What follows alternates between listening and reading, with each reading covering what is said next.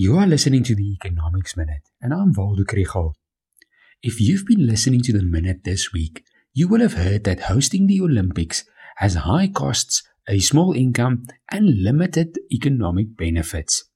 You would think that I'm going to suggest that we abolish the Games, but not at all. I do think a developing country like South Africa should not try to host the Olympics. We can use our limited resources in better ways. I do have some suggestions on how rich countries can host the Games more sustainably. One is about the reform of the IOC, for example, to better account for the costs and benefits in the bidding process and to make sustainability an important criterion. This process is currently underway.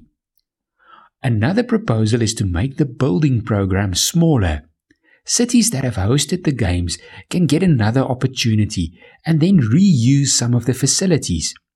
This is the case in Tokyo, where some of the 1964 facilities have been refurbished and reused.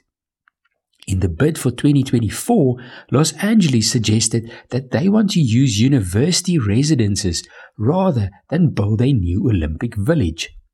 Maybe the Summer Games could in the future rotate between four cities.